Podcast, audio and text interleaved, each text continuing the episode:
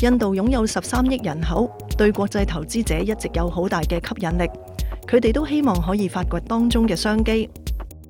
喺香港貿發局舉辦介紹印度電子業嘅一個研討會上，Tata c r o m a 嘅高級經理同與會人士分享喺印度電子產品零售市場嘅經營心得。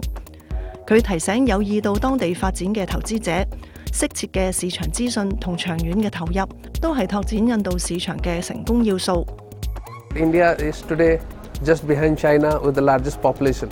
Today, the population in India we have young, educated, and aspirational population. So they actually are driving the demand.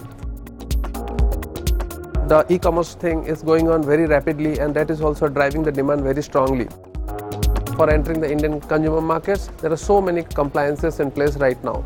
For example, we have BIS, which is Bureau of Indian Standard. We have WPC for wireless products. It is not a very big thing. It can be done by there are so many agencies in India who take care of this thing, and it doesn't take much time to do that.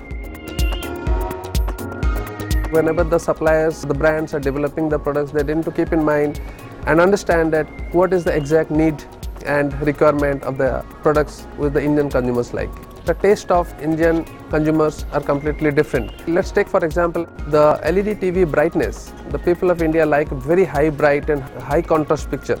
And even for the Bluetooth speaker that we develop, the expectation of the consumer is that it should be as loud as a 10 watt speaker. You need to have proper service. Hindi we say mehuna that I am there.